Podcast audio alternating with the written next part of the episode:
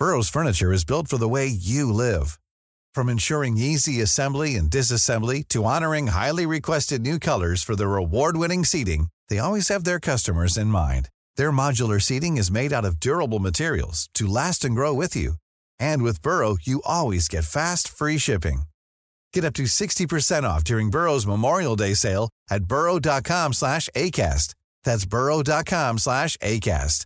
burrow.com slash ACAST. Everyone knows therapy is great for solving problems, but getting therapy has its own problems too, like finding the right therapist, fitting into their schedule, and of course, the cost. Well, BetterHelp can solve those problems. It's totally online and built around your schedule. It's surprisingly affordable too. Connect with a credentialed therapist by phone, video, or online chat, all from the comfort of your home. Visit betterhelp.com to learn more and save 10% on your first month. That's BetterHelp, H E L P. Hiring for your small business? If you're not looking for professionals on LinkedIn, you're looking in the wrong place. That's like looking for your car keys in a fish tank. LinkedIn helps you hire professionals you can't find anywhere else, even those who aren't actively searching for a new job but might be open to the perfect role. In a given month, over 70% of LinkedIn users don't even visit other leading job sites. So start looking in the right place. With LinkedIn, you can hire professionals like a professional. Post your free job on linkedin.com slash people today.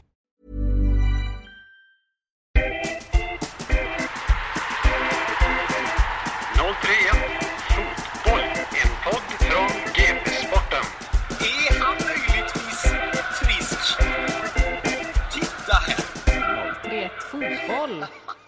Då säger vi varmt välkomna tillbaka till 031 Fotboll som idag sitter inne i Gaisgården.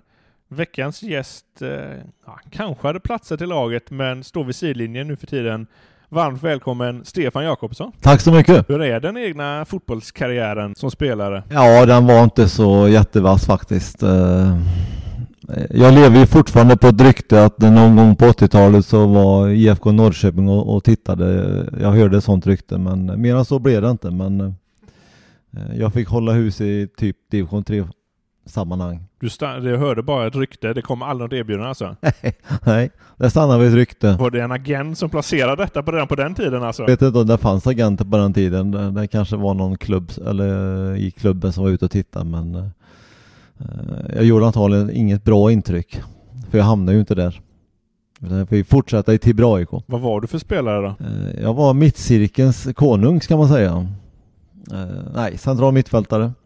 Började väl eh, kanske som yttermittfältare. Eh, men eh, hamnade centralt i planen och sen var jag nog där egentligen hela, hela tiden. Om du skulle jämföra dig med någon i dagens guys, vem är du mest lik? Det kanske spelaren inte vill höra nu här? Nej, nej. Ja, frågan om, om de tar den. Nej, jag tror jag är eh, lite lik eh, Boris måste jag säga. Ah, även musikaliskt. Nej, herregud. Det är, musik och Stefan Jakobsson, det har aldrig varit någon bra kemi där. Men du hade samma fysik då alltså som Boris alltså? Så jag säga bättre. Åh jäklar! Eh, men ehm, eh, nej. Det är nog den som jag liknar mest tror jag. Synd att det här är en podd och annars hade vi krävt bilder på en 25-årig Stefan Jakobsson här liksom. Ja, ja, ja. Ja, ja. ja. 4% i Ja. kroppsfett Ja. och... Ja, det är 15 kilo bort är det ungefär. Så någonstans där var det runt eh, 80-strecket. Kommer det så att du blev tränare sen då? Att du kom in på den banan? Ja, jag sa ju en gång i tiden att jag aldrig skulle bli tränare. Eh, Men eh, ja, när man tyckte att det var dags att sluta, när man eh, någonstans där eh, började närma sig 30-strecket så var det nästan förbjudet att fortsätta spela fotboll. Eh, på 80-talet då skulle man ju bara lägga av men eh, då ringde, ja det var Kjell Trakos-Janak som tog över IFK Mariestad eh, och frågade om jag inte kunde vara hjälptränare och vara lite backup ifall det skulle hända någonting. Och då var det ju division 4. Så där började det faktiskt. Eh, men det var ingen självklarhet att jag skulle bli tränare. Utan eh, det bara blev. Och där någonstans började jag utbilda mig då. Det var väl någonstans millenniumskiftet 99-00 där. Eh, och sen trummade det på.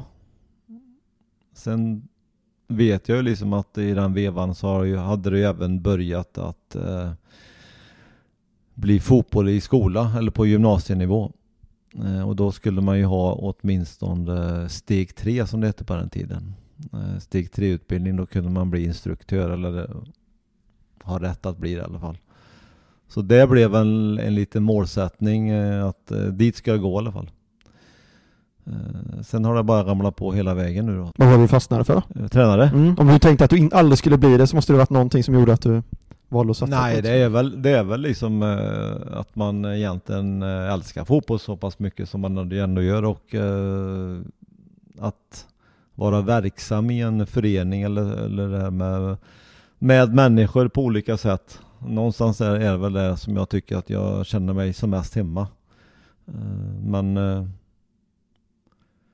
Ja, man har funderat väldigt mycket på liksom var, varför man eh, utsätter sig för det här egentligen. Men eh, någonstans måste man väl gilla det, liksom att gå på någon smal eh, edge hela tiden. Eh, himmel eller helvete.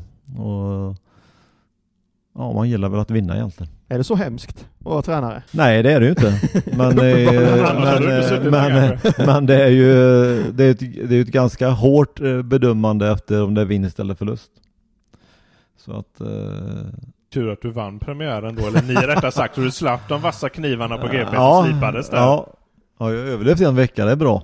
Det är en vecka i taget. Inga avgångskrav ännu. Nej, det är lugnt. Det är lugnt.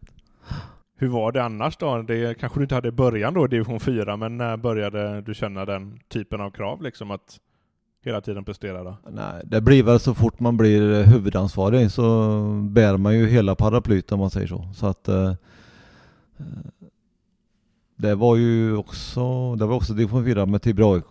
Och vi tog oss eh, på, på två år upp till division 2 där och var där i ytterligare två. Så att, eh, men det, det startar nog, nog ganska direkt där liksom. Man vet ju mycket väl om liksom att allting på något sätt går ut att vinna matchen. Sen har man ju fått andra perspektiv liksom på liksom att eh, för att man ska vinna och bli ett vinnande lag över tid krävs ju liksom också en, eh, en utveckling av ganska mycket saker.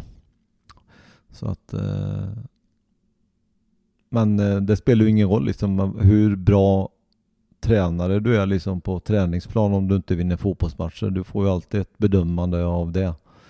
Vilket enligt mig i alla fall inte stämmer ganska eller inte stämmer överhuvudtaget. Jag tror att det är väldigt, väldigt många bra tränare ute i Sverige liksom, men som man inte får möjligheten eller att kunna vinna en serie och, och, och sånt där. Eh, det är ju först då liksom du får någon sorts erkännande. Så att det, på så sätt är det väl ett lite otacksamt eh, yrke. Och det är rätt tajt, alltså det är rätt stor konkurrens också om jobben på ett annat sätt än om du är Det är spelare ju till exempel. definitivt om man tittar på... liksom. Ja, om man tittar på alltså på elitmiljön nu då, om man, ska, om man bara räknar allsvenskan och eh, superettan så är det ju inte många tjänster egentligen. Så att, eh, ja. Eh, Det är bara att fortsätta försöka vinna nästa match. Ja, annars står du där utan och, och så är det någon i den stora tombolan som det rullas och så drar man det namnet Ja. och så är det han som tar över Ja, nu kommer den där. Nu kommer det så att eh, då gick du ändå upp två divisioner direkt där, annars har du ofta beskrivit dig som att du är lite av en långsam byggare. På den tiden verkade det gå snabbt ju. Två seriesegrar i rad, vad hände egentligen? Ja, jag vet inte. Det var någon jävla dikeskörning där som inte jag kom upp i. Men eh, nej, jag tror det här egentligen har väl bara tolkats. Jag har försökt att besk- Jag sa ju det en gång på både ett årsmöte och jag har sagt tidigare i media liksom att ja, jag jobbar lite långsamt. Men det är ju för att man, man det finns ju några vägar som man kan naturligtvis nå framgång på. Det finns ju inget i lika med ett tecken på allting men eh, det är klart, har du pengar, har klubben resurser så kan man ju naturligtvis köpa in kvalitet och sen eh, forma en eh, spelidé utifrån de spelare man, får där då. Eh, men om man jobbar där jag har varit, om man säger så, på lite mer Degerfors, guys Gais, där ekonomin inte liksom är, blomstrande. Vilket det är så i många klubbar. Och då tar det faktiskt några år att bygga upp någonting liksom och eh, det svåra med är ju liksom att när det går så här nästan bra om man säger så. Att du sticker ut lite i serien och några spelare sticker ut så blir du av med dem. Och då ska man börja om och ersätta det. Eh, utan eh, det krävs liksom en, en kontinuitet. Det krävs liksom att man klarar av att hålla kvar spelare, vilket är väldigt svårt. Så det är ju ett ständigt att börja om jobb det här.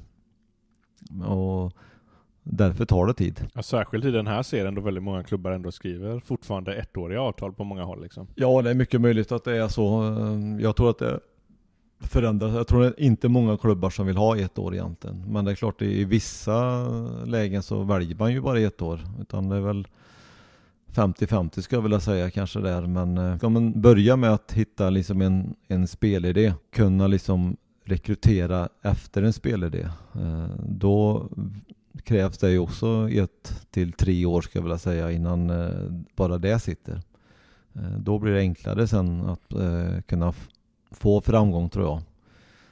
Exempelvis när man kommer, när man är ny som tränare och man inte riktigt har varit med i, i hela karusellen.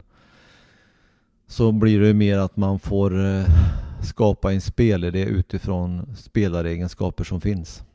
Eh, Och sen får man försöka börja bygga därifrån. Men du har ju också varit egentligen länge i alla dina klubbar. Det är, det är Ja, liksom fyra år peppar, nästan peppar, i får alla. jag Ja, säga. men, nej men det kanske säger någonting också om hur du, Eh, du är ingen José Mourinho direkt som kommer in och eh, lappar lite, vinner och sen drar vidare.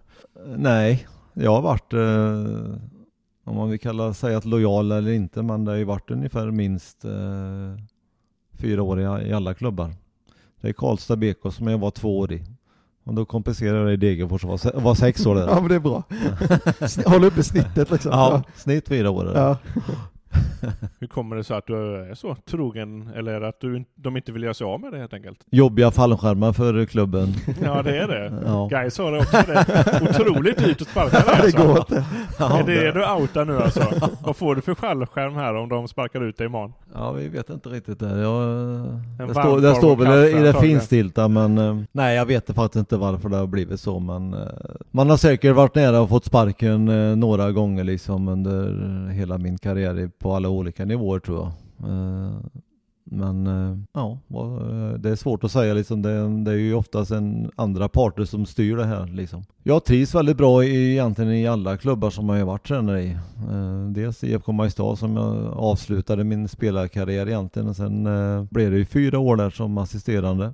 Ville liksom börja gå utbildningar för att få lite mer kött på benen även om man har spelat fotboll i många år så är det ju inte lika med att eh, bli tränare för det.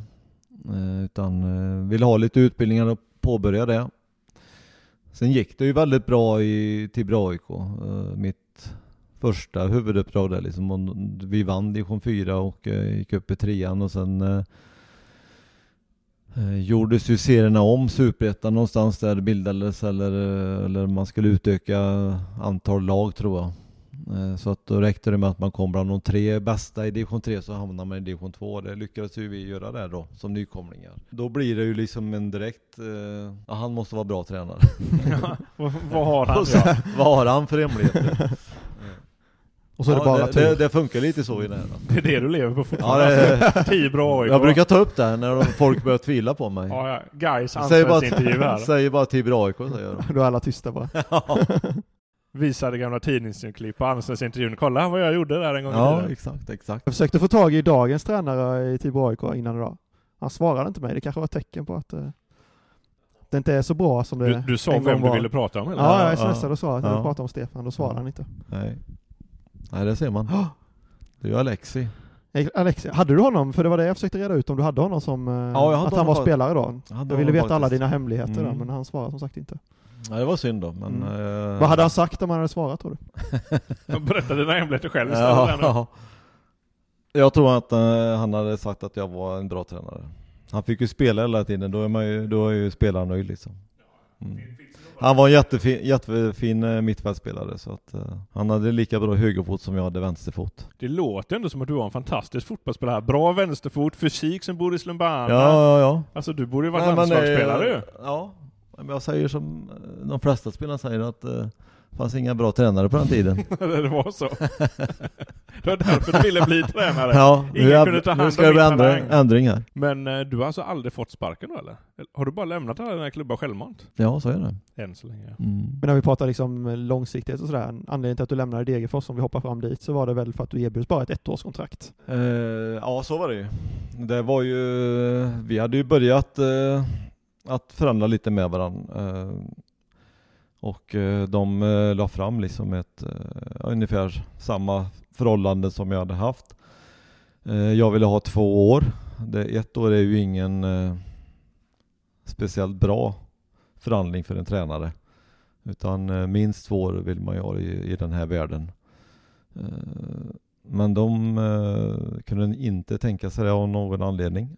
Eh, så att, eh, och sen kom Gais in i det här också. Och jag började prata med dem också och var nere och träffade hela sportrådet nere hos eh, Niklas Karlström i Askim där. Har han någon lyxvilla där eller? Ja, han bor ju jätteflott vet du. Jaha, ja. Mm. Flådigaste grej. ja. Så att, nej men sen blev det, blev det för mig ett enkelt val. Sen samtidigt så var det ju svårt att lämna Degerfors. Man såg ju lite vad som eventuellt komma skulle. Eh, framförallt så hade vi ju en, en väldigt, väldigt bra höst eh, 2019 och jag tror att vi hade till och med kunnat åtminstone hamnat på en eh, kvalplats även 2019 om inte vi hade haft lite jobbiga skador där i början på, på året med Oliver Ekroth och Marcus Asvald och Nikola Ladan gjorde, gick sönder också med sitt korsband där så att eh, eh Sen sålde vi Rasmus Alm så, och Kevin Wright såldes eh, till Örebro eh, en vecka innan seriestart. Och allt sånt där bidrar ju liksom till när, man, när det blir förändringar i gruppen och i en startelva så eh, blir det alltid lite turbulent och sen ska man hitta tillbaka till någonting så att eh, det var ju en, var en fin utveckling i, i Degerfors. Mm, kändes det inte, jag vet att du har pratat om det innan, men kändes det inte konstigt att bara bli erbjuden ett ettårskontrakt när det har gått så bra och den riktning som det kändes som att ni var på väg åt? Ja, men det, det vad, vad ska man säga liksom? Jag kan ju inte, jag kan ju inte sitta och svara på liksom vad Degerfors styrelse liksom, eller vad de tyckte och tänkte. Jag hade ändå varit där i ganska många år så de kanske hade andra planer också.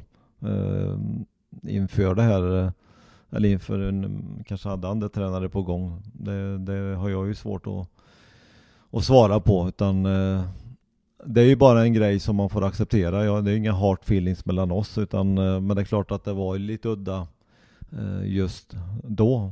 Men eh, landar ju guys och trivs otroligt bra här i de här eh, månaderna, året och månaderna som jag har varit här. Hur känns det att se Degerfors i Allsvenskan nu då, när de klev upp mot AIK Nej, i, det, i ser, Friends? det är häftigt faktiskt.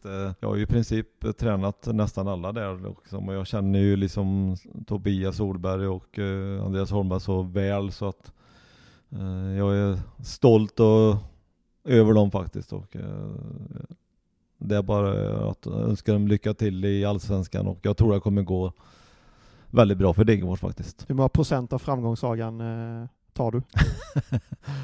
Var inte vi, vi, var, vi var ju ett, ett tränarteam där på, på tre tränare i mål. Jag får ta 25 procent då. Det är bra. Ja det är bra. Nej, men jag vet vad, vad jag har hjälpt till med och gjort där. Så att, eh, utan, eh, men nu är det de som leder och de gör det väldigt bra. Vad, är, vad var framgångsförklaringen då? Eller vad är framgångsförklaringen till att de har lyckats så bra? Det är ju för att de har ju jobbat eh, utifrån sin plånbok, sin ekonomi. Och man eh, har ju alltid fått värvat ifrån eh, serier underifrån.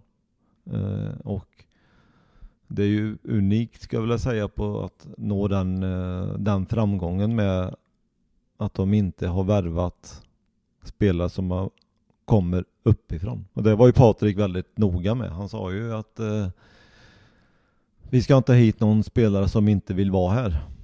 Eh, utan eh, kommer man till Degerfors, ett eh, mindre samhälle och med en väldigt mäktig fotbollshistoria så får man ju liksom, eh, måste man verkligen gilla att vara där och alla spelare som kommer till Degerfors eh, trivs, skulle jag vilja säga. Åtminstone 95 procent. Han känns ju annars ganska bra han Patrik Werner, sportchefen, för nu när Viktor Edvardsen var ute där och var lite sur att inte han fick gå till AIK, då tog han ju honom i örat direkt ju.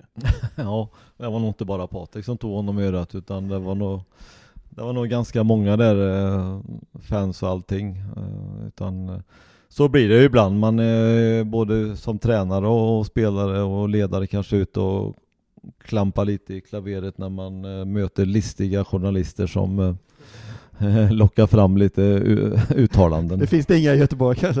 Nej. Vi har, 40 minuter kvar i podden här för att se vad som händer här. När du börjar bli trött om så ja, 30 precis. minuter så ja. Fy fan vad dålig ja. han är i laget. Ja. Han vill skicka åt helvete. Mm. Men alltså Oliver Ekroth, vilken fantastisk mittback alltså. Hade du, du hade honom också, jag tycker vi måste stanna till lite vid honom alltså. Det... Ja, han kom ju 20 18. Eh, och jag skulle vilja säga att det var ett eh, tips från eh, Jocke Persson i Varberg som då tränade i Kristianstad och Patrik och, och Jocke ju, har ju haft lite kontakt och sånt så att men Oliver var ju inte färdig på något sätt där. Han var ju lite Eh, vildsint i sina beslut ibland som ibland eh, kostade lite misstag och sånt där. Och, eh, men det får man ju köpa. Så att, men det där har han ju filat bort på ett väldigt, väldigt bra sätt. Han är ju i princip felfri varenda match han spelar nu. Så att det är ju också någonting man måste ha med sig i, om man vill ha någon sorts progression i en utveckling, spelarutveckling, att man måste tolerera misstag. Det görs ju sällan det utan man ska ju vara robot och klara av precis allting och Gud nåde dig om inte du gör, gör rätt saker men det är ju inte så. Vi, det är ju människor som håller på och spelar där ute och de ska fatta massa olika beslut och eh, vi hyllar dem liksom när de, när de gör allting rätt och vi eh, gapar och skäller på dem när de gör något fel. Men eh, han har firat på ganska mycket eh, av så kallade individuella misstag och eh, ja, han hyllas ju nu nästan som en av Allsvenskans bästa mittbackar. Hur får man till den där spelarutvecklingen? För det känns som många spelare som Degerfors tog att folk knappt hade koll på dem och sen har de utvecklats till ganska bra allsvenska spelare redan ju. Nej men framförallt så är det ju det att det är viktigt att man, eh, att man formar en spelidé där spelarna får jobba i sin position och i sin roll. Och att man som tränare är klar på liksom, det här vill vi att eh, laget ska utföra. Eh, sen eh, är det inte alltid man, eh, man lyckas, men det tror jag i alla fall är en, en förutsättning och framförallt liksom att man får spela. Att man inte tar på sig en för stor kostym i någon spelartrupp som man har. Alltså konkurrens är ju väldigt bra. Men den kan ju på något sätt också bli hämmande ibland. Hur många procent av det, ditt ledarskap från Degerfors tog du med dig hit? Av dina idéer och spelsätt och spelsystem och tankar? Ja, ledarskap tror jag inte har någonting med att jag har varit i Degerfors utan det är ju något som man utvecklar över, eh, över tid. Alltså den erfarenheten man eh, drar med sig eh, när man har jobbat med fotboll på väldigt många olika nivåer och både som hobbyverksamhet och elitverksamhet. Så det tror jag nog är mitt, mitt egna liksom som man har utvecklat och förhoppningsvis förbättrat varenda år. Eh, där Det jag tror att jag eh, eller det jag känner att jag gjorde, jag gjorde lite fel, att jag hade nog för mycket eh, idéer ifrån hur vi agerade i Degerfors med den spelartruppen och landade nog i för mycket det här i, i Gais och krockade på lite olika punkter där. Men då är det ju som, då får man ju backa och göra om och göra rätt. Och det tycker jag att vi lyckades med i ett, ett tufft fjolår ska jag vilja säga. Alltså får du den klena poängskörden och ja, knappt inga mål gjorda alls egentligen på de 15 första matcherna så ringde det ju liksom en, att man skulle åka rätt ut eller i bästa fall eh, klara av ett via ett kval.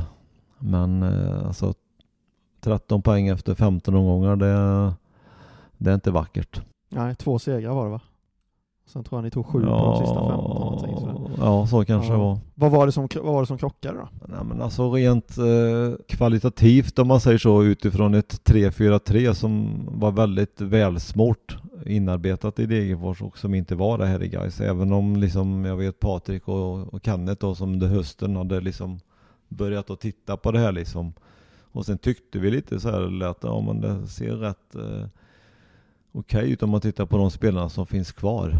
Eh, men vi gick ju in i ett, i ett 2020 med en hel del eh, trubbel med långtidsskador. Alltså både Emil Wahlström, eh, Nikola Ladan, Harry Sirak, eh, Niklas Andersén. Alltså, eh, vi värvade från division 2. Eh, intressanta spelare för framtiden.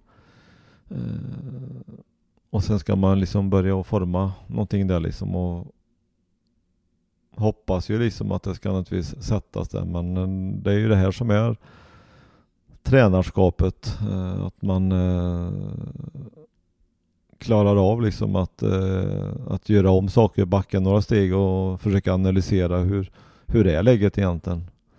Och det är inte alltid det enklaste för att man, eh, man får ju liksom eh, lägga undan sin egen filosofi. Eh, ja, nu måste vi hitta ett spelsätt. Hur, hur ska vi vinna matcher? Hur ska vi skapa en målchans? Och och det vi gjorde var ju egentligen att vi klarade av till slut att, ja, dels ändrade vi ju spelsystem då. Men eh, den stora förändringen var ju att vi på något sätt fick ett lite högre försvarsspel. Vi klarade av att eh, få stopp på motståndarna lite tidigare än vi hade under, eh, gjorde under våren. Eh, och att vi snabbare då liksom kunde komma till motståndarnas straffområde. Vi hade ju extremt svårt under, under våren när vi hamnade så lågt och sen ta oss hela vägen upp. Det var ju så illa i vissa matcher att vi kanske hade två, tre passningar sen var vi av med bollen. Så det är liksom alltså den kvaliteten som fanns i Degerfors var ju när jag lämnade väldigt, väldigt hög hos alla spelare. Eh, och eh, guys, vi var inte riktigt på samma nivå. Utan eh, här gäller det liksom att börja utveckla det liksom och forma en, en spelidé och vi tycker att vi är på väg nu i alla fall. Jag kommer ihåg att du sa det när du kom att det typ att det är kusligt likt hur det var i Degerfors när du kom dit och tog över 2016. Såg du liksom någon så här möjlighet att kunna göra samma sak? Och det kanske du gör fortfarande? ja, det är ju förhoppningen ja. naturligtvis. Nej men alltså du såg liksom men, saker som fanns som tydde på att ja, okej, okay, här kan vi göra ja, ungefär samma alltså sak. Gais är ju en storstadsklubb, det är ju det är en stor skillnad. Men annars är ju Gais väldigt familjärt precis som det är i Degerfors. Det är lite folk runt omkring i organisationen. Ekonomin är inte jättevass även om man liksom fått upp eh, näsan över vattenytan. Man jobbar egentligen med väldigt, väldigt små medel. Eh, och eh, placeringen var ju samma. Alltså man ligger där nere i, ja vad blir det, plats nummer 12 då. 2016 eh, klarade vi oss kvar på med en poäng. Alltså 33 poäng. 32 fick ju Syrianska de kvala på eller vad det var. Så just sådana där likheter var det ju liksom att det har gått sämre och sämre. Och, så det finns ju väldigt mycket paralleller förutom att det är en storstadsklubb.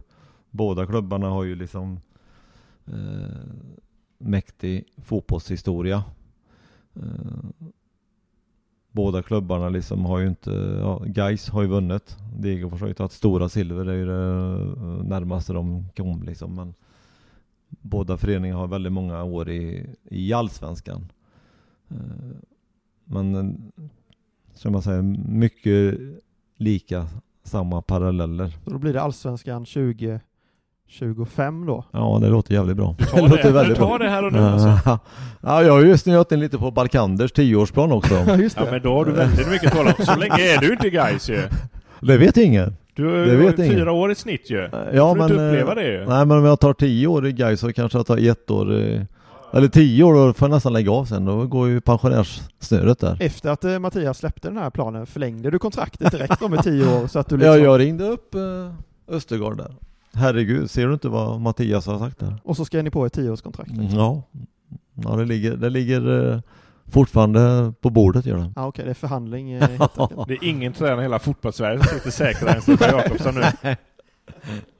Vissa sa men vad är målet? Vi ska vinna alla matcher, gå upp i år. Vi, guys, aj, Nej, om tio år, då. Ja, vi, vi, tar det lugnt. Det är lite mer guys. Men hur kommer det sig då, när du ändå kände Degerfors, ni var på väg någonstans, att du hoppade på ännu en klubb som man då får säga eh, var lite på dekis liksom? Fanns det inte lag alltså, som var på, på gång lite som ville ha det liksom?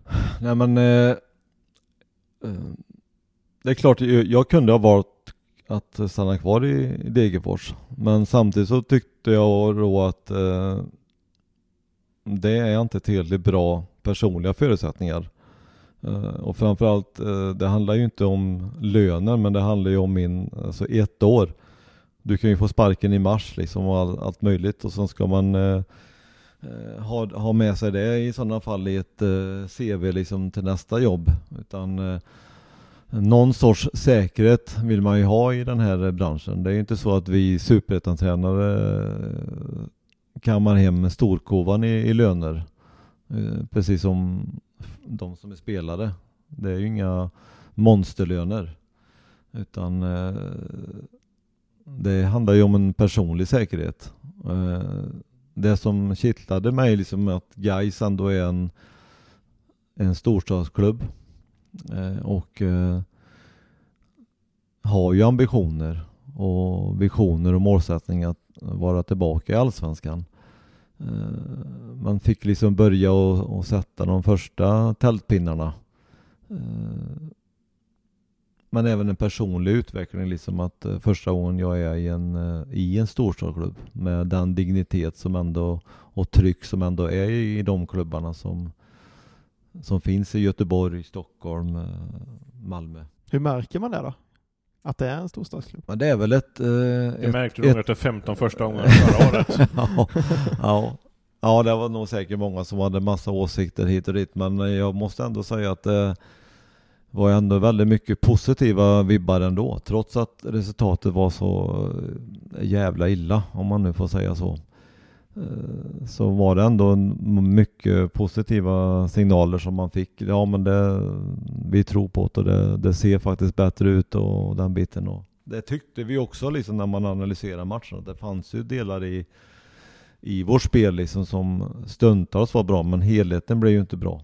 Eh, Och sen är det ju som det alltid är att man måste vinna fotbollsmatcher för att få lite arbetsro. Men känner du ett extra tryck liksom? För jag kan också tänka mig att i en liten ort som Degerfors blir det också ett visst tryck. Ja men det är det väl. Alltså, Eh, men det blir kanske blir ett det- annat sätt. Ja, Eh, ja du blir, det- måste det- bli mer igenkänd. Ja men, det, liksom. ja men det som är skillnaden är väl liksom att det är ju ett Jag väl säga att det är ett mycket yngre klientel som är supportrar och det är ju en större mängd.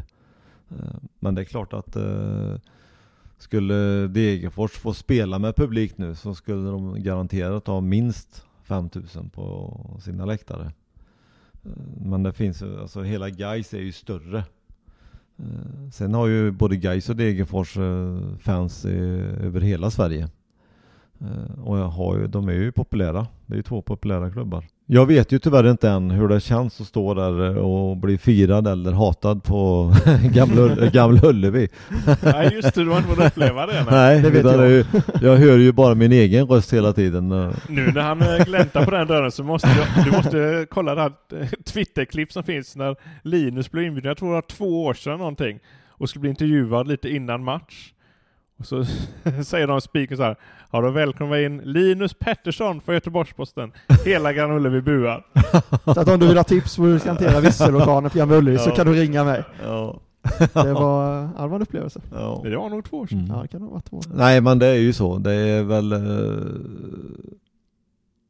Jag respekterar alla supportrar och fans liksom. eh, De är ju, stöttar ju liksom sina föreningar naturligtvis. Sen är det vissa som går över gränsen ibland men eh, Eh, kärlek till- sina klubbar har de i alla fall. Vilket är fantastiskt. Och det är ju, tycker jag, på senare år liksom har ju blivit ett väldigt eh, Alltså den, de supporterfamiljerna och skarorna som växer fram och gör eh, helheten på, på matcherna är ju fantastiskt med tanke på hur det var kanske på 80-talet. tycker vi måste hålla kvar lite Degerfors och Andreas Holmberg som du var inne på innan och hans cancerbesked och den kampen han har gått igenom. Hur mycket har det påverkat dig? Med tanke på att ni har tränat tillsammans och varit nära. Nej, det är klart att det har ju påverkat och framförallt så jobbar jag ju med hans storebror eh, Fredrik Holmberg så att eh, eh, vi har ju diskuterat mycket och jag har ju själv gått igenom det här cancerbiten, inte personligen men min yngsta dotter hade ju liksom det 2013 och ett eh, återfall 2015 och det är klart att det är ju det är ju år man eh, inte glömmer på något sätt. Utan eh, det påverkar ju ganska hårt både nära och kära och men framförallt personligen. Sen hanterar vi ju det här på olika sätt hela tiden men det, var var jättetungt besked och det gjorde ju verkligen ont i, i bröstet när man fick det beskedet. eh, eh, Jag märkte på, på Fidde när vi åkte in här eftersom jag har mellanlandat lite ute i Onsala innan eh, vi ska Barack. en barack där ute, en grön, grönsvart barack. En av få baracker i Onsala, annars är det miljonvillor där i Onsala. Ja, en Gais har en barack där ute. Ja, så det, Klart de är har. det, det finns en korvmoj i en rondell där i Onsala, är det där du bor eller? Nej, vi åkte in här på en träning och han var lite väl eh, lågmäld. Och då, sen kläckte han där i bilen liksom och det är klart att eh, man blir ju rörd. Eh, så att eh, jag är verkligen glad att han är på benen igen och hoppas att han slipper någonting mer. Men det är ju som det är med den här sjukdomen, man går ju aldrig säker. Mycket kontakt har ni haft då under hans... Nej, vi har haft lite sms-kontakt eh, hela tiden. Så att, eh, och jag pratar lite med honom också. Och vi peppar varandra lite efter lagens segrar och sånt där. Så att, eh, och stöttar varandra. Så att, eh, nej, jag har bra relationer med både Tobbe och Andreas där uppe. När din dotter fick cancerbesked, hur, hur var det och hur hanterar man det som pappa? Ja, man blir ju nästan... Jag tror man blir chockad. Alltså... Jag var på en... Det var en fredag eftermiddag tror jag. 15 mars. 2000, Sånt datum som sitter fast. 2013. Det, det datumet kommer du aldrig glömma. Nej, nej, och sen fyller min lillebror år också så att... eh, så att det är ju ett datum som man kommer ihåg men eh, det är klart att... eh, Ja, hur reagerar man? Man... Först blir man ju väldigt förtvivlad och ledsen. Och det är ju tusen tankar som snurrar i, i huvudet då liksom när det gäller sitt eget barn. Så hade man kunnat fått välja så skulle man ju tagit den sjukdomen själv. Bara de skulle slippa det men eh, Nej men det är tufft. Sen eh, ja, under själva behandlingstiden alltså, det, det är ju som att man, man står ju på en, en, en perrong och kliver, kliver på ett tåg och sen åker man ju bara med. Och sen hoppas man när man kliver av eh, tåget att eh, vid slutstationen att eh, det är frid och fröjd.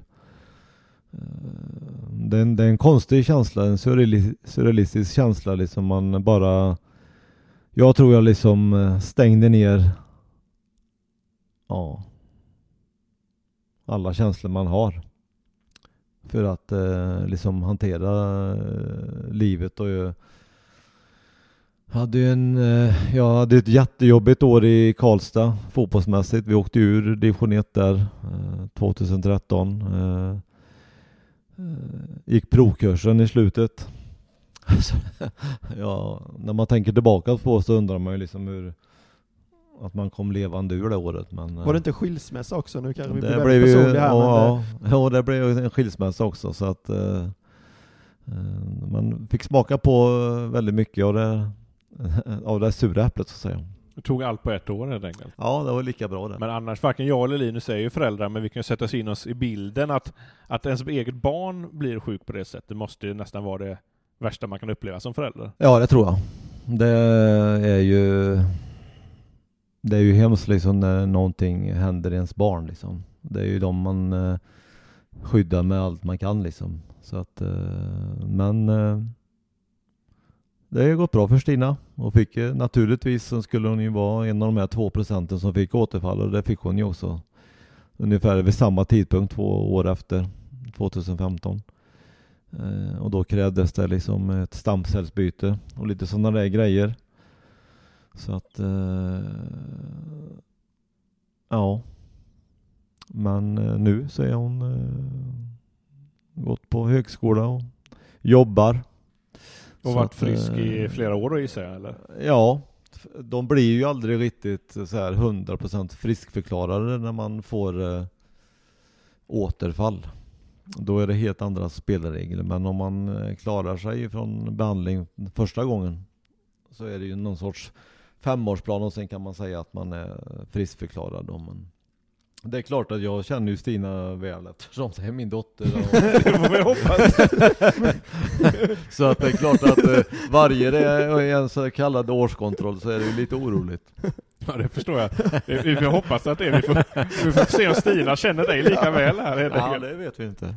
Men hon blir inte tränare Gais alltså. Hon har inte gått i pappas fotspår. Eh, nej, det är nog den äldsta dottern som skulle kunna göra det istället.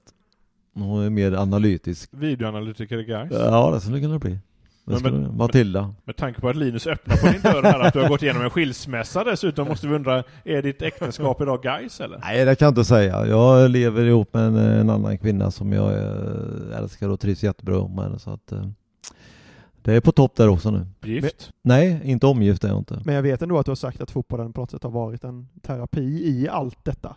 Så på något sätt kanske det har varit... Eh, Det tycker jag. Liksom när, när det här, de här jobbiga åren där med, med Stinas cancer så, och allting så Det är ju som en, man är ju i en sorts familj så att säga. Eh, sen hade jag väl just 2013 så hade jag väl väldigt svårt liksom att eh, sitta och öppna upp mig och berätta det. Det har ju kom lite mer sen när jag kom till Degerfors. Jag kände att man fick en ny en ny miljö liksom. Då, då var det lättare att eh, prata om allting. Så att eh, ja, Patrik Wernick fick lyssna på en del grejer där. Han blev lite hobbypsykolog eller? ja, ja, precis. Men, men nu ska ju inte det här bli någon eh, sjukdomspodd, men du är ju... du har ju själv gått igenom eh, tuffa grejer också. Eh, Du fick väl diabetes för en sju, åtta år sedan? Ja, herregud, när var det? Det var ju... 2013, samma år 2013. Var det det? 2013 Samma år som allt det här alltså? Ja, det var det. 2013 Ja, det är ju lika bra liksom. Ja, vad det också. vad är Detta Ja. året är historiskt år. Ja, det är det. På negativ Ja, bemärkelse. 13 också. Ja, just det. Otis. eh, Ja, du tror på det nu också? Ja. Men jag hade, ju, jag hade ju haft antagligen diabetes, eller typ 2, som jag har eh, i flera, flera år. När man lär sig och förstår eh, symptomen. Så hade jag nog det säkerligen eh, fem år tillbaka. Men eh, det är ju så, det är ju många som går med diabetes typ 2 utan att man ens förstår att man har det. Men där sa du att det var lite du själv som hade skapat sjukdomen. Det är definitivt är det så. Eh, Alltså det levernet jag har haft att eh, eh, 05.30 eh, ringer klockan liksom 06.00 går bilen till jobbet. Hoppa över frukost kanske.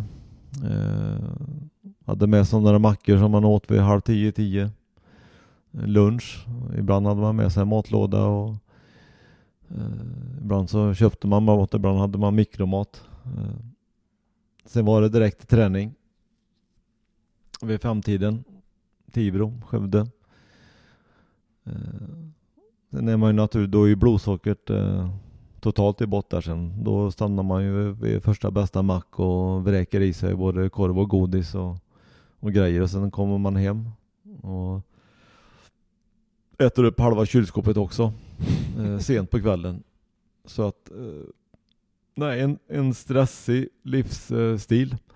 Eh, och naturligtvis eh, en hel del inre stress troligtvis också. Även om jag inte upplever det så går man ju säkert med det. Det är mycket funderingar och eh, man ska vinna mass, man, nästa match och man ska vinna nästa match och hela den där biten. Så att eh, den sjukdomen så såg jag nog till själv att eh, skapa på ett väldigt bra sätt. Eh, som man får, får betala ett högt pris för nu då. Tack för den. Ja, tack Ja. för det. Ja. Tack Stefan. Tack Stefan sa. Du är säkert mer stress än vad jag har, men man känner igen så otroligt mycket i det du säger där, hur man äter ju. Godis och man, så fort man stannar någonstans och på kvällen, man äter ju halva kylskåpet ju. Nej men det är klart att eh, det enklaste för att få, eh, få upp blodsocker det är ju liksom att äta sött naturligtvis. En godispåse, en eh, kokt korv i bröd, lite räksallad. Sen när det smäller det ju upp i blodsockret och sen går det ju ner efter en kvart igen och då kommer du.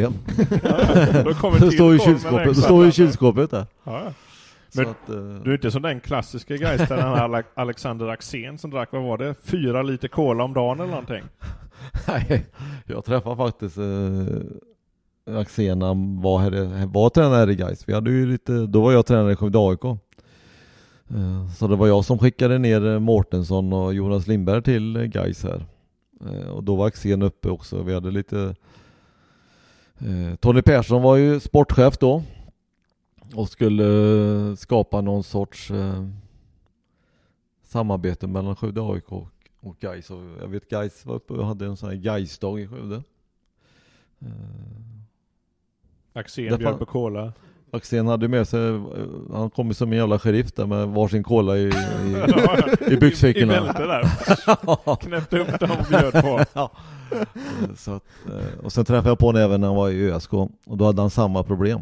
Men det var ju där han eh, på något sätt eh, försökte vänja sig av det. Vad dricker du under matcherna då? Det är bara vatten. Bara vatten? Inte ens en kaffe? Jo, kaffe kan jag ju smälla i mig eh, före, men aldrig i halvlek, men före kan det bli nog. Hur mycket påverkar sjukdomen dig då, liksom i, i vardagen? Den påverkar mig ju inte så mycket. Jag är ju, jag är ju fortfarande, jag har ju lite dålig karaktär. Jag fuskar ju lite. Eh, Mina värden är bra nu om man säger så. De, de ligger på den nivån eh, de ska. Men jag har ju kanske lite för mycket mediciner för att eh, hjälpa till där då. Utan det är ju motion och sen gäller det ju att låta bli de här eh, sötsakerna. Eh, men det är svårt. Det är Eh, fruktansvärt svårt. Ja, det kan jag säga. Det vet du Fredrik. Ja det vet jag. Jag har ju dealen om att vi inte äter sötsaker hemma längre men vi har en godisautomat på jobbet där jag går åtminstone en till två gånger per Ja, arbetspass. Ja, man hör Ja. Så jag förstår- lite. Förstår Nej, det, menar? det, det är jobbigt. Utan eh, det, man får ju stålsätta sig liksom. Men det är svårt. Och, ja, fikabröd och allt sånt där så kan man ju låta bli egentligen.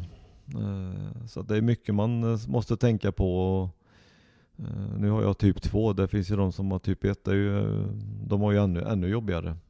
Så det är en ganska jobbig så här vardagssjukdom skulle jag säga, diabetes, som inte många vet så jävla mycket om eller och utan eh, eh kan ju, om man missköter sig så är det ju, blir det ganska stora konsekvenser med både njurar och eh, blind kan man inte bli säger de nu. Det var, har varit en myt men eh, det är tur det är svårt som tur. fotbollstränare annars. får man lyssna efter tillslaget? Ja, svårt att se hur Andersén positionerar sig om man är blind där Ja, det behöver man inte titta på. Nej.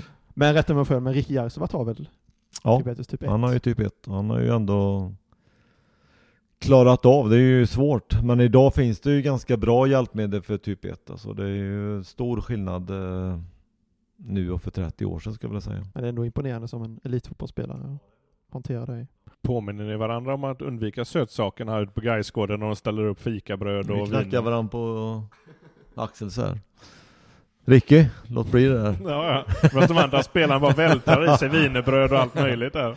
Ja, nej de har inte mycket sötsaker spelarna nu. Eh, Det är mycket som har ändrats när det gäller elitnivå. Sen vet man aldrig vad de stoppar i sig eh, när vi inte ser dem. Men... Säger annars om årets upplaga av Gais då, den spelartruppen. Det känns som en ganska homogen grupp. Ingen som riktigt kanske sticker ut i den bemärkelsen som kanske förra året med Mervan var kanske den stora stjärnan på ett sätt. Ja, så var det väl om man tittar på, på CVt, vad man har gjort tidigare.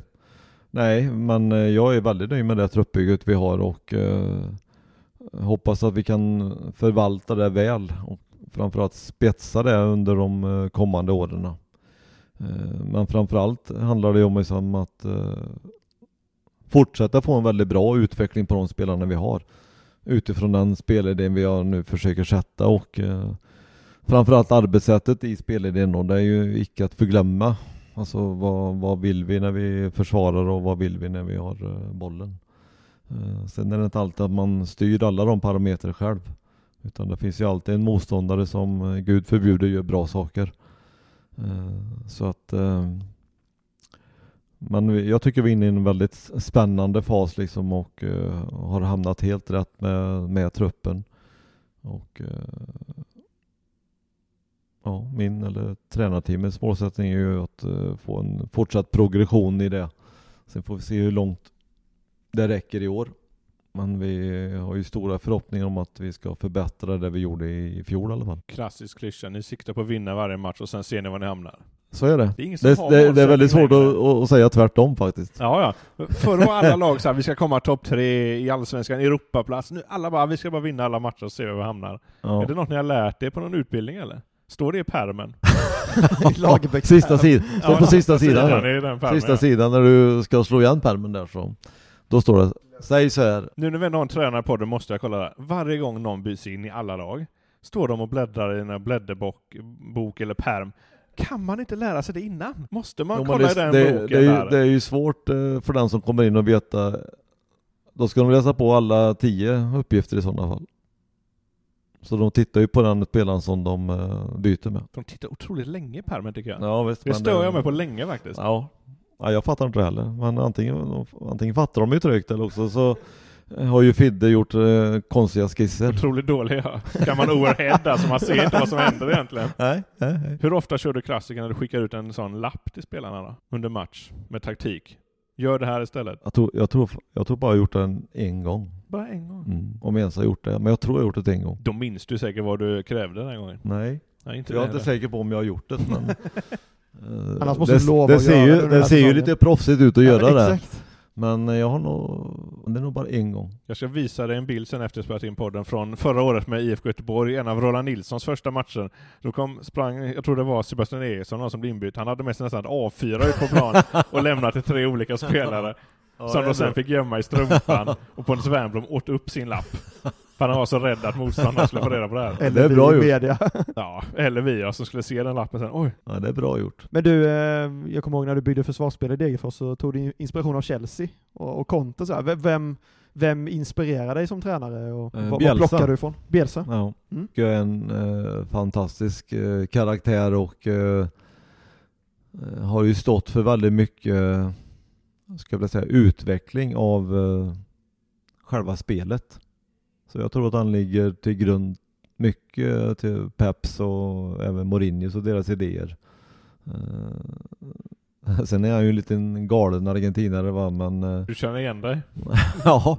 Eh, nej, honom gillar jag liksom skarpt. Det var något nyligen så att han hade räknat ut hur mycket, hur länge supportrarna behövde jobba för att de skulle få ihop till en matchbiljett. Ja, Och nej, sen men fick han är spelarna ju... gå ut och städa Ja. ungefär lika länge. Ja, träningsanläggningen Ja. finns där. Nej men han står ju för solidaritet också. Han är ju noga med det. Att eh, alla, eller lika värde för alla och eh, hymlar ju inte med det heller. Utan eh, är ju en, en person som jag tror lever väldigt enkelt egentligen fast han har hur mycket pengar som helst. Men eh, Ungefär som du. Ja, i en barack. Ja, ja. Hon sa det. Trots miljoner på banken. ja, ja, ja. Börjar ni spela så som Leeds, då, då, då kommer det bli många 5-4 i GP ju. Ja, ja det är fantastiskt. Då får de börja springa spelarna. Så att, eh, nej men han har ju utvecklat det liksom. Det är ju, Atalanta kör väl något liknande. Eh, AIK försökte sig på det men eh, Det gick sådär. gick sådär. Det lyckas inte riktigt fullt ut men tanken är god. Så att, Är du sugen på att testa något liknande? Va? Är du sugen på att testa något liknande? ja. ja. Nej men eh, vi har ju sagt att vi vill eh, att vi ska vara intensiva. Så jag tycker vi har en ganska tydlig spelidé liksom som vi presenterar för spelarna men eh, det är ju samma där liksom att det är ju lätt att sätta upp ord och för att det ska bli en, en, bli en verklighet, att det ska se ut så på planen också så krävs det ju också lite tid där. Det är inte bara att säga att nu ska vi pressa varenda sekund utav 90 minuter. Det är ju många lag som har försökt sig på det och det är väldigt få som klarar av det. Eh, vi mötte ju Falkenberg som hade enorm press på oss första 45 minuterna men orkade orkar ju inte hålla i det lite som gjorde att vi med lite egna justeringar liksom eh, ändå jämnade ut den tillställningen lite. Men ett bra pressspel är ju ett väldigt bra anfallsvapen. Vad, kanske en stor fråga, men vad har du för drömmar som tränare? När man träffar spelare så pratar man om att de ska till liksom de största klubbarna i världen och de ska bli tränare. Är det inte så ofta man Ja. hör ska Det där är ju en, i- en grej som Han jag... ska ju vara här i 10 år. Ja, jo i och för sig, men efter de tio åren då... Ja. Nej men vad drömmer man om som Eh, tränare? Liksom? Det är Ja, inte heller en svensk alla tränare, exportvara alla heller, tränare liksom. vinner ju, drömmer ju tror jag liksom att, att, eh, alltså, att vinna serien naturligtvis. Eh, Det här är väl en del som jag tycker, jag har varit, jag ångrar väl mycket liksom om man tittar tillbaka till, till, till, i sitt liv att man inte var lite mer ambitiös. Både i skola och hela den här biten och, liksom, och fatta liksom rätt beslut. eh, om man börjar satsa på det fullt ut istället. Så att jag är, ju, är lite dålig på de här, ha några så här högt uppsatta målsättningar som tränare med, utan jag är nog ganska ödmjuk i det här att det här är inget yrke som man bara väljer och vrakar i liksom, utan eh, jag vill hela tiden göra ett, ett jävligt bra jobb där jag är och bli ihågkommen för det liksom. Det, den kravet har jag i alla fall på mig själv. Att, eh, att eh, få det att, att funka på ett bra sätt. Eh, Men eh, i närtid skulle jag vilja säga att, att Annika tar vi ut i startelvan. Ja, det är det hon vill snacka sig in här nu. Ja, det är många spelare som är nervösa nu när du är med här. Ja. Kommer jag vara med i nästa match eller inte? Ja. Nej men det är klart att man vill, eh, det vore väl jättehäftigt att hamna i Allsvenskan. Och varför inte med Gais då? Mm, 20, 25 eller 20. Målsättningen är att du ska ha ett jobb tills du går i pension helt enkelt. Ja det är, det är en målsättning. Det vore väl väldigt trevligt faktiskt. Ja, vi har Att, samma eh, målsättning och Linus här. Ja. Vi hänger inte lika löst bara. Nej men kan man jobba med, med fotboll eh, och få sluta på när man själv vill eh, på elitnivå liksom och kunna leva på en, ett ja om man nu ska säga som har varit sin hobby då. Nu är ju det här ingen hobbyverksamhet längre men eh, så vore det ju fantastiskt måste jag säga. Vi måste också kolla, du har eh, Nikola Ladan här. Han har du Degerfors också. Hur gärna tar man med sig spelare sådär? Är det inte lite rädsla att de kanske blir en favorit direkt hos dig? Att de andra spelarna känner, åh jäklar, nu är han given ju. Stefan har haft honom innan. Ja, det är mycket möjligt men eh, det är väl många spelare som hamnar där. Nikola var ju kontraktslös. Så att det var inte så att vi köpte honom liksom ifrån eh, Degerfors utan eh, jag vet ju vad Nikola uträttade i Degerfors. Han har ju inte riktigt eh, hamnat där än i Gais. Eh, men eh, det ligger säkert en hel del om vad du säger för eftersom eh, jag hör ju många som eh, kritiserar Nikola och eh, gör det till en koppling liksom att det skulle vara min spelare eller nästan min son. Eh, Så att, eh, Är han det? Det, det är inget du kan bekräfta. Ja, är det nästa avslöjande på den här? ja vi, vi får se. Vad är, vad är klockan? Ja, det. Kan vi göra ett snabbt DNA-test här? Eh, nej men, men, eh, nej, men jag, jag tycker liksom att det blir Det är lite tråkigt att, att se sånt där. Alla har rätt att tycka och tänka om vad man vill om spelare. Men då skulle det finnas en koppling mellan mig och Boris med då, för att jag fanns i Degerfors när Boris var där med. Eh, men det var inte jag som tog en till, eh, till eh, klubben utan ja, man kan ju vända och vrida på, på allting men det är bara synd liksom om man, att man slänger ur sig kanske saker mot en viss spelare. Att det skulle ha några, några sådana kopplingar men men det är väl så. Jag har haft min egen far som tränare och det var inte heller så enkelt. Så att eh, då tycker väl många det om det. Men, eh, Det var samma där, åh Stefan får bara spela för hans pappa är tränare. ja, ja, precis. Herregud.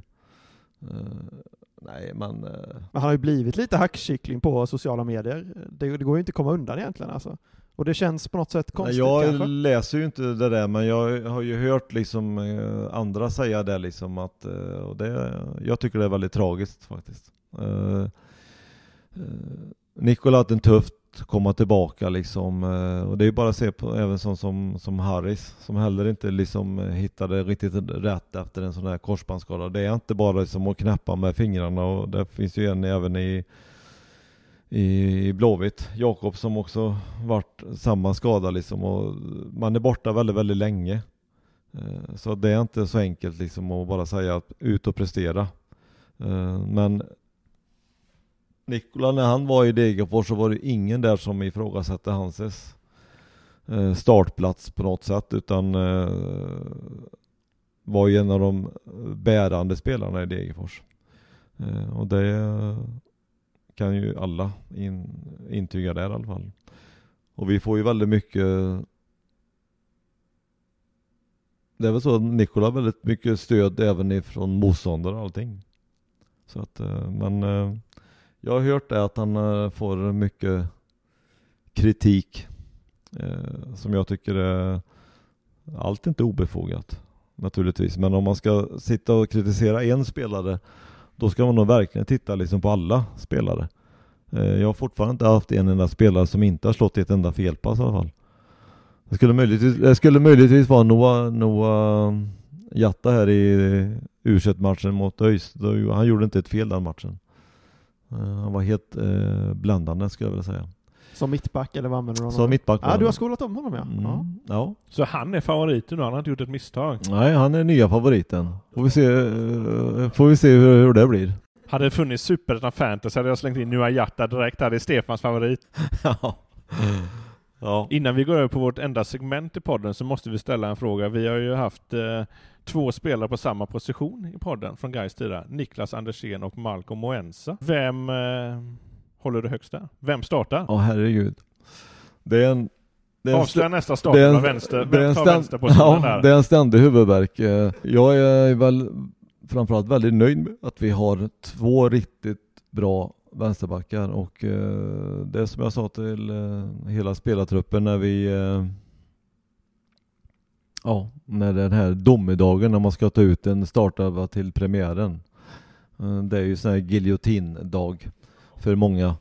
Eh, Att eh, vi har ju guys eh, spelartrupp liksom 16, kanske till och med 17 spelare som, som förtjänar att starta utifrån vad de har presterat och eh, eh både på träning och matchtid och de kvaliteter de har. Eh, nu är det ett väldigt eh, tufft konkurrensläge med Malcolm och eh, Andersén där Andersén om man säger så kanske har en lite mer defensiv kvalitet och Malcolm har en liten vassare offensiv kvalitet.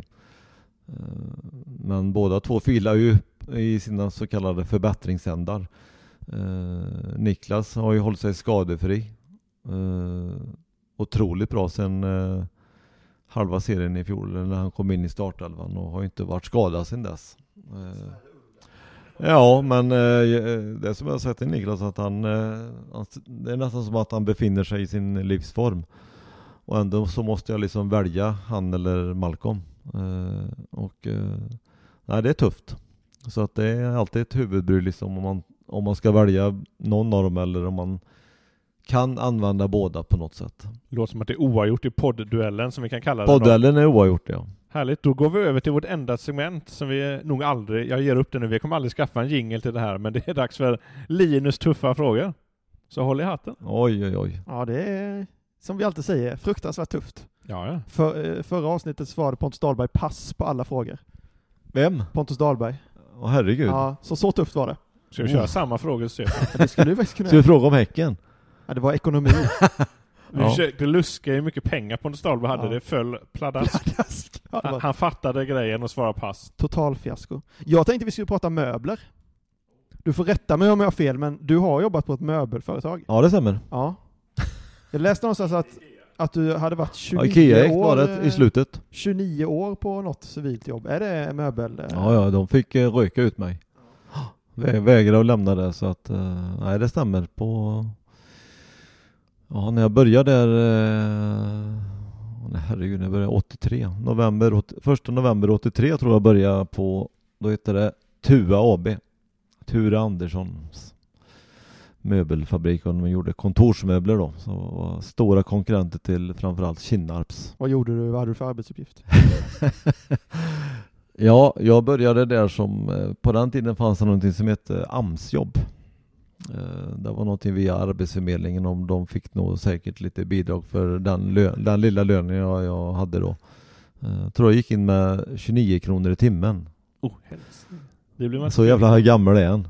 Ja. Eh, Du har lite bättre betalt nu, guys. Ja, jag är 30 nu. Ja, Kommer det upp Skönt att se en progression även i Ja, ja. Ja, ja. Och i Degerfors låg du på 31, så du har gått ner lite nu. ja. Så att, eh, eh, Eh, nej, där började jag som att eh, flytta material mellan eh, olika fabriker. Så jag fick sitta på en traktorkärra och frysa med täcken runt omkring mig och, och flytta massa pallar med spånplattor hit och dit. Och så blev du kvar i nästan 30 år. Ja, sen avancerade jag ju lite i företaget så att... eh, Det får vi jag hoppas på 30 år annars. Jag hamnade sen på en, eh, på logistikavdelningen, det sista. Klassiskt kontorsjobb. Klassisk tjänsteman. Hade du varit kvar tror du om du inte hade blivit eh, fotbollstränare? Nej, för att eh, när jag fick ett erbjudande av Karlstad BK att bli heltidsanställd där uppe så var det i samma veva som eh, IKEA eh, la ner den verksamheten i Tibro. Det blev, var ju Ikea det sista, så att eh, den flyttades eh, ner till eh, ja, Östeuropa tror jag. Så du hade bott i Östeuropa då, om du hade varit kvar? Ja, det vart en svensk-polack. Ja, eh, sidospår som ändå landar i, eh, i, i någonting. Ja. Vi ska nämligen, det var, jag visste inte att du hade jobbat på Ikea, så det här blir ännu bättre. Vi ska nämligen, jag har snott ett quiz här från internet, eh, som en kille... Han snor alla ett Eh, quiz. nej det gör jag inte, det är första gången jag snor. Men jag tänkte jag skulle credda honom, han heter Staffan Danielsson. Jag tror inte han lyssnar på den här podden, men om man mot förmodan gör det så har jag i alla fall creddat honom har för det han här hört av sig här nu. Vad är Eh, detta? och det är Jag underbart att du hatar musik, eller inte är någon musikmänniska, för vi ska spela ett quiz som heter IKEA-möbel eller Kent-låt. Jaha, Jag ska säga ett ord och så ska du säga om det är en IKEA-möbel eller en Kent-låt. okej. Eh, och vi har väl typ tio stycken här. Ja, så vi kör på. Ja. Eh, vi börjar ganska enkelt. Eh, lack, Ikea, rätt. Ismael, IKEA-möbel eller Kent-låt. Kent, Kent, ja rätt. Två rätt. Verklig, Ikea, rätt. Tre rätt. Optimal, Ikea. fyra av fyra. Det här quizet går ju som på räls. Ja, men nu, nu måste vi säga här. Nej, nu ska du inte, nej, nej, nej, När du ska ta massa Tern var med priser. så åkte han på att betala 10 000, eller 1000 spänn var det i och för sig, i hans webbshop. Så om, ja, Ja, säger Tern det. öppnar en spelshop. Om, om Stefan tar sju rätt här så... eh, Ska du köpa möbler på Ikea för tusen kronor? Nej, då Nej, det eh, du inte bjuder jag på sötsaker som jag skickar ut till Gaisgården här en dag. En fruktkorg till En Gaisgården. fruktkorg skickar jag upp då. Ja. Det lovar jag nu. Om han har sju rätt. Om han har sju rätt så skickar jag en fruktkorg Du till vet, Gaisgården. du vet att han har fyra av fyra än så länge? Ja, ja, men det måste bli svårare och svårare. Nej. Du kan inte avsluta med bokhyllan Billy sex, direkt. nej, Billy är inte med. Vi har sex kvar och då ska han alltså ha rätt på hälften Ja, men jag kör det ändå. En Så är det en fruktkorg. fruktkorg till Ja. Okej. Sten. Sten, Ikea-möbel eller- Kent-låt? Kantlåt. Fel. Ah! En Ikea-möbel. Oklart vad. Satte press direkt när han fallerade. Rationell. Ikea. Rätt. Berlin. Det måste vara Kent. Rätt. Ett rätt till så är det fruktkorg till Gaisgården. Hänsyn. Hänsyn. Kent. Rätt. Ja, det en fruktkorg till En Gaisgården. fruktkorg till Gaisgården bara för jag kände eh, redan hur mitt blodsocker eh, rusade upp. Ja, Jag jag, får, förstår. jag får ta extra mycket medicin den dagen. jag kan ha en hemlig låda under frukten som är bara godis. Sockerfritt eh, frukt. Ja, Vill du liksom för briljansens skull eh, sätta de två sista också? ja vi, vi kör nu när jag är inne. Vilket stim jag är inne i. Ja, det är ett helt fantastiskt stim. Eh, avtryck. Det är Ikea. Nej, det är Kent-låt. Mm. Och sist, men inte minst, rosor. Kent. Ikea. Oh. Han klarar alltså det precis fruktkorgen Ja, nu. han, Tre fall, fel. han Ja. faller ihop. Ja, ja, Efter att ja, han ja men målsättningen då tappar helt sen. Det, det, det är därför inte jag kan vara tydlig i vår målsättning. Måste ha luddig målsättning i fotboll. Nu nådde du målet och direkt så gav du upp bara. sa det bara då. Ja, ja. Säkra kontraktet, sen bara rasar de. Ja, ja. Så vinner man inte en match. Nej, nej. Ja men härligt, en fruktkorg till Gaisgården. Ja. Får hitta något ställe man beställer. Googla det på nätet nu här. Ja, det är trevligt. Observera att vi inte har gjort någon faktakoll på de här sakerna nu. Så att det är Staffan Danielsson som har allt ansvar för källkritik. i Ja, det, jag, jag kommer kolla upp det här nu. Ja, Hör av mig just till. Ikea och Kent. Ja, det Ställer samma fråga. Ja, men vi säger i vart fall eh, stort tack till Stefan Jakobsson för att vara med i podden och grattis till eh, fruktkorgen. Tack så mycket. Mycket trevligt att vara med. Vi är tillbaka nästa vecka, får se vem som gästar oss då och vad vi förlorar den gången. tack för att ni lyssnade.